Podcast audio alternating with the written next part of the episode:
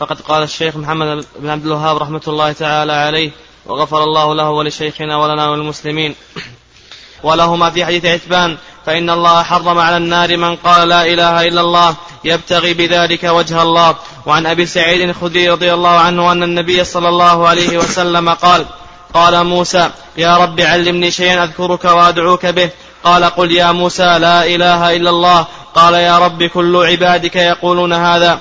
قال يا موسى لو أن السماوات السبع وعامرهن غيري والأرضين السبع في كفة ولا إله إلا الله في كفة مالت بهن لا إله إلا الله رواه ابن حبان والحاكم وصححه. والترمذي وحسنه عن أنس رضي الله عنه سمعت رسول الله صلى الله عليه وسلم يقول قال الله تعالى يا ابن آدم لو أتيتني بقراب الأرض خطايا ثم لقيتني لا تشرك بي شيئا لأتيتك بقرابها مغفرة. بسم الله الرحمن الرحيم. الحمد لله رب العالمين والصلاة والسلام على نبينا محمد وعلى آله وصحبه أجمعين. تقدم لنا حديث عبادة بن الصامت في فضل التوحيد وما ترجم له المؤلف من فضل التوحيد. ثم قال ولهما أي للبخاري ومسلم في صحيحيهما في حديث عتبان يعني عتبان بن مالك الأنصاري رضي الله تعالى عنه مات في خلافة معاوية رضي الله تعالى عنه فإن الله حرم يعني منع على النار من قال لا إله إلا الله. النار هي الدار التي أعدها الله لأعدائه في الآخرة. من قال لا إله إلا الله تقدم يبتغي يعني يقصد بذلك وجه الله. يعني قال هذه الكلمة العظيمة مخلصا لله عز وجل لا يقصد رياء ولا سمعة ولا عرضا من أعراض الدنيا الفانية. وجه الاستشهاد من هذه من هذا الحديث هذا الحديث فيه فضل التوحيد فإن من قال لا إله إلا الله مخلصا من قلبه فإن الله عز وجل حرم عليه دخول النار. ومن قال لا إله إلا الله الموحد دخول النار بالنسبة للموحدين ينقسم إلى قسمين. يعني ينقسم إلى قسمين. القسم الأول القسم الأول عدم دخولها بالكلية. يعني من من الموحدين من لا يدخل النار بالكلية. أسأل الله عز وجل أن يجعلني وإياكم ممن لا يدخلها. فالقسم الأول منع كلي من النار. وذلك بأن يموت على التوحيد ولا يموت بأن يموت على التوحيد ولا يموت على شيء من الكبائر. القسم الثاني دخول أو منع من دخول النار مقيد وليس منعا كليا بأن يدخل النار ثم بعد ذلك يخرج ثم بعد ذلك يخرج منها. كما لو مات على شيء من كبائر الذنوب أو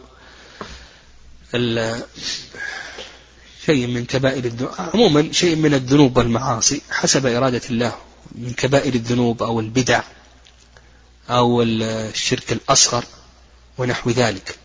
فهذا تحت مشيئة الله وإرادته إن شاء عذبه وإن شاء غفر له مع أنه سيأتينا أن الشرك الأصغر من العلماء من يرى أنه لا بد أن يعذب بالنار إذا مات عليه قبل أن يموت قبل أن يتوب.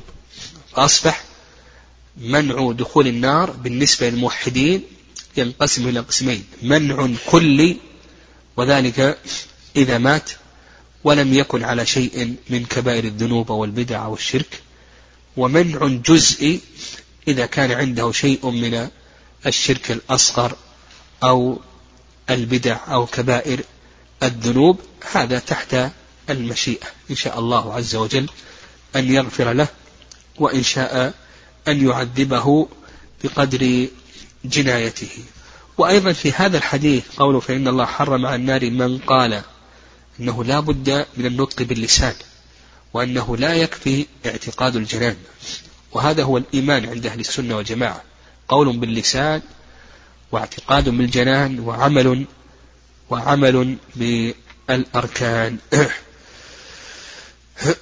وفي هذا أيضا أن هذه الكلمة العظيمة لا إله إلا الله لا تنفع قائلها إلا إذا قالها مخلصا لله عز وجل.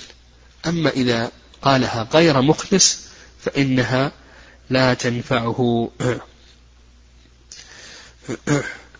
وفي هذا أيضا إثبات صفة الوجه لله عز وجل. قال وعن أبي سعيد الخدري رضي الله عنه أن النبي صلى الله عليه وسلم قال قال موسى يا ربي علمني شيئا أذكرك وأدعوك به.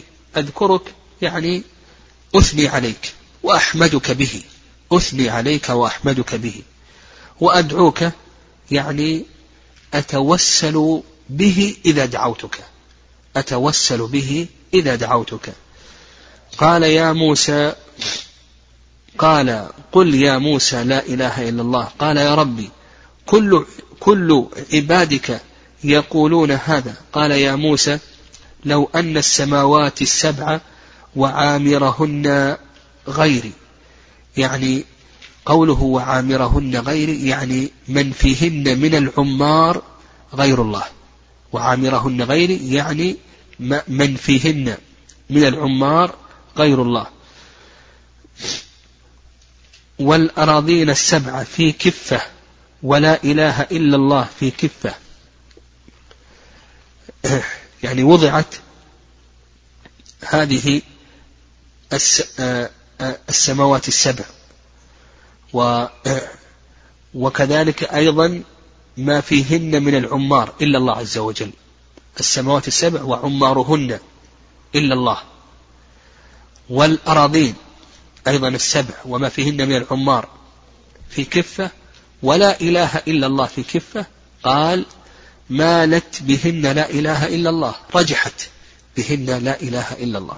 وهذا يدل على عظم هذه الكلمة العظيمة. ولا شك أن هذه الكلمة العظيمة هي كلمة التوحيد. وهي أوجب الواجبات وهي التي من أجلها أرسلت الرسل وأنزلت الكتب وقام الصراع بين الحق والباطل. وهذا الحديث نعم صححه الحاكم وغيره نعم وفيه ضعف. ال ال وجه الاستشهاد من هذا الحديث لما ترجم به المؤلف من فضل التوحيد فضل هذه الكلمة العظيمة. وأن الله سبحانه وتعالى أرشد موسى لكي يذكره ويدعوه بهذه الكلمة العظيمة. فهو يثني على الله عز وجل بهذه الكلمة العظيمة وأيضا يتوسل إلى الله عز وجل في دعائه بهذه الكلمة العظيمة. و فبهذا فضل التوحيد وهو ففيه دلالة لما ترجم به المؤلف لما ترجم به المؤلف رحمه الله تعالى.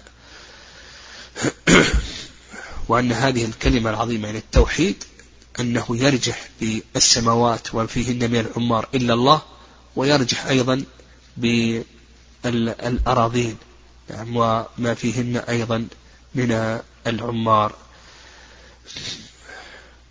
وكذلك أيضا من فضل التوحيد أن الله سبحانه وتعالى أرشد موسى إليه.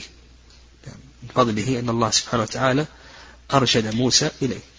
قال وللترمذي وحسنه عن أنس رضي الله عنه سمعت رسول الله صلى الله عليه وسلم يقول قال الله تعالى يا ابن آدم لو, أيت لو أتيتني بقراب الأرض.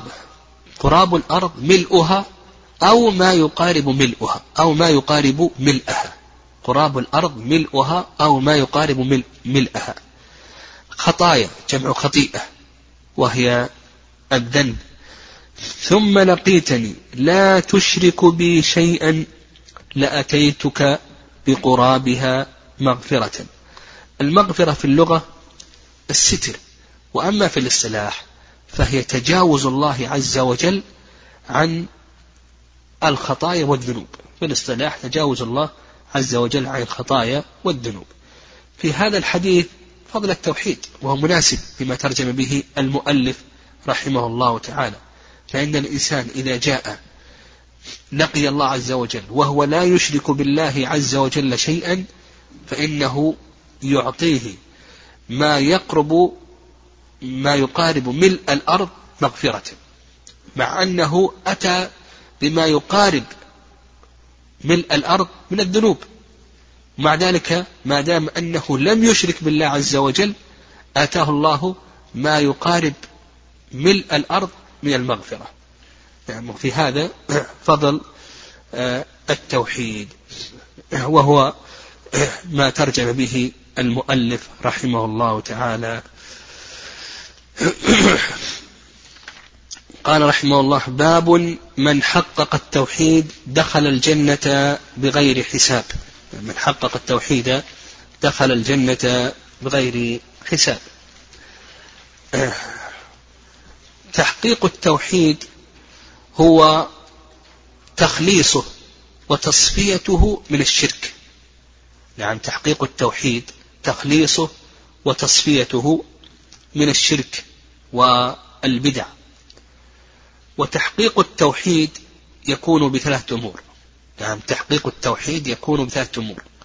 الأمر الأول ألا يأتي بما ينافي التوحيد من أصله وهو الشرك الأكبر. يعني الأمر الأول يعني مما يحصل به تحقيق التوحيد ألا يأتي بما ينافي التوحيد من أصله وهو الشرك الأكبر. الأمر الثاني ألا يأتي بما ينافي كمال التوحيد وهو الشرك الأصغر. الأمر الثالث ألا يأتي بما ينقص التوحيد وهو البدع والإصرار على الذنوب. كون الإنسان يذنب ويتوب إلى الله عز وجل يعني كونه يذنب ويتوب إلى الله عز وجل هذا التوحيد يغفر له بسبب توحيده لكن كونه يصر على الذنب هذا مما ينقص عليه التوحيد. فحينئذ يحصل كمال التوحيد أو تحقيق التوحيد يحصل بهذه الأمور الثلاثة. الأمر الأول ألا يأتي بما ينافي التوحيد من أصله. الأمر الثاني ألا يأتي بما ينافي كمال التوحيد. الأمر الثالث ألا يأتي بما ينقص التوحيد. قال وقول الله تعالى إن إبراهيم كان أمة قانتا لله حنيفا ولم يك من المشركين. إن إبراهيم كان أمة. تقدم لنا أن الأمة تأتي على أوجه. تأتي بمعنى الطائفة وتأتي بمعنى الإمام وتأتي بمعنى الزمن. نعم تأتي بمعنى الزمن. والمراد هنا آه الإمام. فإبراهيم عليه الصلاة والسلام كان أمة يعني كان قدوة وإماما في التوحيد والخير. قانتا القنوت هو الدوام على الطاعة. قانتا لله حنيفا. الحنيف في اللغة هو المائل. نعم الحنيف هو المائل عن نعم الحنيف هو المائل المقبل على الله عز وجل المائل عن غيره. وقيل إن المراد بالحنيف هنا المائل عن الشرك. قيل إنه المائل عن الشرك. وقيل بأنه المقبل على الله عز وجل المائل عن غيره. ويظهر أن هذا من قبيل الترادف. ولم يكن يعني يكن أصلها يكن حذفت النون بسبب حذفت النون آه، تخفيفا. ولم يكن من المشركين يعني أن إبراهيم عليه الصلاة والسلام لم يكن من المشركين لا بقلبه ولا بلسانه ولا ببدنه. في هذا قوله إن إبراهيم كان أمة قانتا لله حنيفا ولم يكن من المشركين. في هذا الأمر بتحقيق التوحيد لأن إبراهيم كان إماما في التوحيد عليه الصلاة والسلام. فإبراهيم كان إماما في تحقيق التوحيد.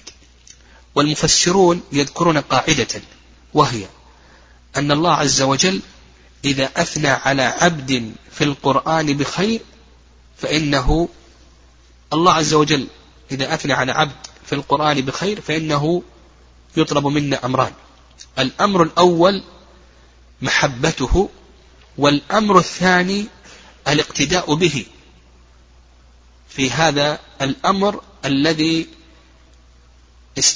استحق به الثناء على الله عز وجل الثناء من الله عز وجل. كما أن الله سبحانه وتعالى إذا أثنى على عبد في القرآن بشر فإنه يطلب منا أمران.